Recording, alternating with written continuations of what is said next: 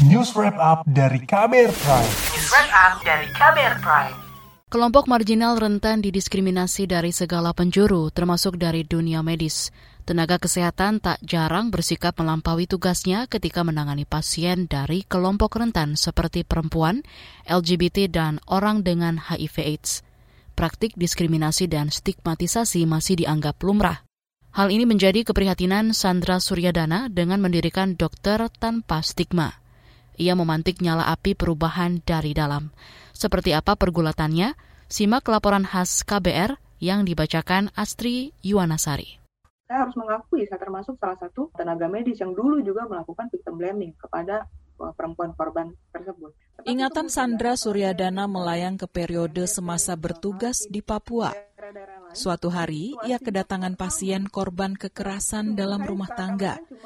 Sembari menjahit luka sang pasien, Sandra mengajaknya berbincang. Saya bertanya, Ibu ngapain aja? Ibu kenapa sampai diginiin sama suami? Gitu. Seakan-akan kayaknya salahnya si ibunya kan sampai dipukuli oleh suami.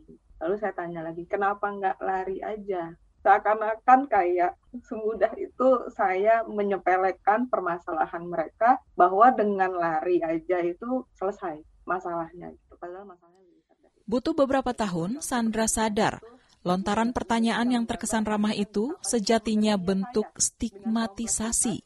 Ini setelah ia mempelajari isu perempuan dan feminisme pada 2018. Sandra makin terhenyak dengan fakta bahwa stigmatisasi pasien oleh tenaga medis itu masif terjadi dan dianggap biasa. Uh, remaja dengan kehamilan tidak diinginkan, uh, belum lulus sekolah, datang dah dengan uh, perut besar diantar oleh uh, pendampingnya. Mereka aja kadang datang itu sudah tidak bisa berkata-kata lagi, saking mereka takut, bingung, campur aduk segala macam. Tetapi begitu datang ke, ke UGD gitu, kemudian ditambah lagi, ditambah lagi, kamu nakal, pasti pergaulannya bebas apa dan segala macam. Pernah lagi pasien dengan percobaan bunuh diri kita rawat inapkan, tetapi setiap visit pagi setelah kita periksa semua uh, baik, kita malah menasehati dia secara agama. Kelompok marginal lain seperti orang dengan HIV/AIDS hingga LGBT juga tak luput dari stigma. Kita harus pakai uh, sarung tangan itu double buat apa untuk kita tensi, mengukur suhu, memeriksa pasien HIV AIDS, kita harus pakai handphone double. Kan udah diajarin di kuliah kita tidak menular lewat bersentuhan, seakan-akan kayak memeriksa apa gitu ya. Kemudian saya pikirkan, berarti besar juga kemungkinan kan kita melayani pasien ODHIV dengan cara-cara yang sama ketika saya masih koas dan memang nyata terjadi. Ngobrol dengan beberapa teman, ya mereka mendapatkan stigma dan diskriminasi itu dari tenaga medis. Buat saya itu mengerikan. Kegelisahan Sandra mendapat kanal penyaluran pada awal 2019. Kala itu ia ditugasi klinik kecantikan tempatnya bekerja untuk mengembangkan bisnis melalui media sosial.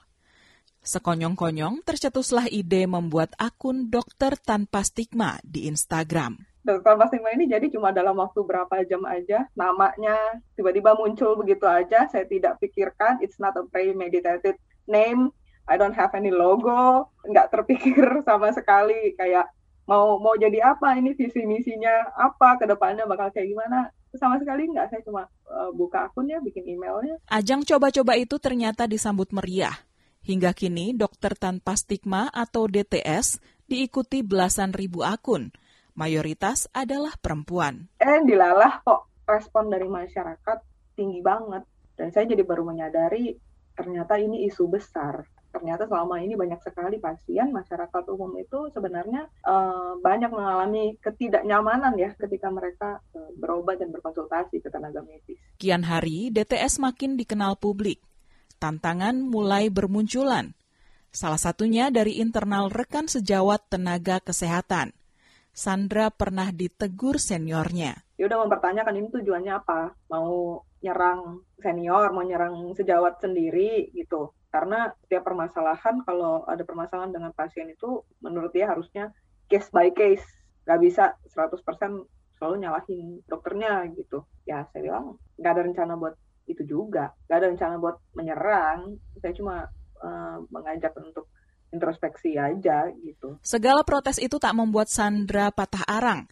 Ia terus membuat konten-konten edukatif, menggelar diskusi hingga berkolaborasi dengan komunitas lain. Kemudian, April 2022 lalu, Sandra membentuk komunitas dokter tanpa stigma. Ia membuat grup WhatsApp sebagai wadah diskusi para tenaga medis. Saya pengen kenal dengan semua tenaga medis yang frekuensinya sama sama saya. Nggak mungkin saya sendirian dong. Pasti banyak orang juga tenaga medis yang punya keresahan yang sama dengan saya.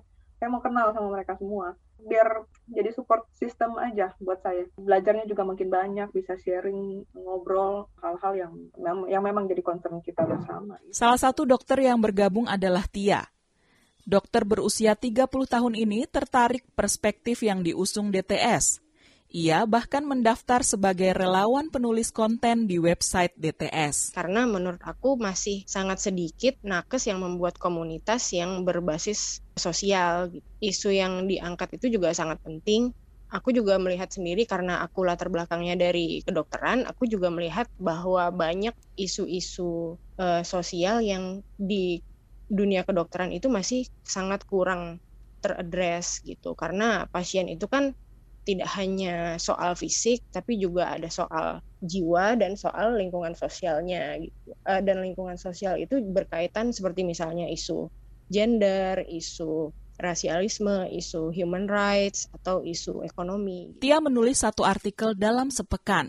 Salah satu konten edukatif yang pernah ia tulis adalah seputar mom shaming. Itu kan tentang orang-orang yang suka menghakimi ibu yang baru melahirkan dalam cara dia mengurus anak dan cara dia e, melahirkan, cara dia memilih KB dan lain-lain. Ternyata mom shaming ini e, sering dilakukan oleh tenaga medis kepada ibu. Gitu. Tenaga medis sebenarnya ingin memberikan nasihat, tapi ternyata ujung-ujungnya malah terdengar seperti menghakimi sehingga tujuan artikel ini sebenarnya untuk ditujukan dibaca oleh nakes supaya tidak melakukan stigma terhadap ibu. Gerakan ini bukan punya saya, bikin Sandra ingin kiprah DTS berkontribusi besar pada perbaikan sistem layanan kesehatan. Apalagi aspirasi itu datang dari kalangan internal tenaga medis. Saya berharap gerakan ini bisa cepat merajalela karena saya tahu saya cuma sendiri saya nggak bisa. Kalau semakin banyak orang mengadaptasi, mengkopi, menjiplak nilai-nilai yang diusung di dokter tanpa stigma ini akan lebih cepat layanan kesehatan kita berubah jadi lebih baik dari akar rumput ini ya. Bagaimana mendidik tenaga kesehatan yang ada di puskesmas gitu misalkan. Bukan tenaga medisnya aja, bukan hanya dokter, bukan hanya bidan, bukan hanya perawatnya, tapi juga resepsionisnya di depan, satpamnya di depan. Semuanya bisa non-judgmental dan non-diskriminatif. Itu kan butuh. Demikian laporan khas KBR, saya Astri Yuwanasari. Kamu baru saja mendengarkan news wrap up dari KBR Prime. Dengarkan terus kbrprime.id, podcast for curious minds.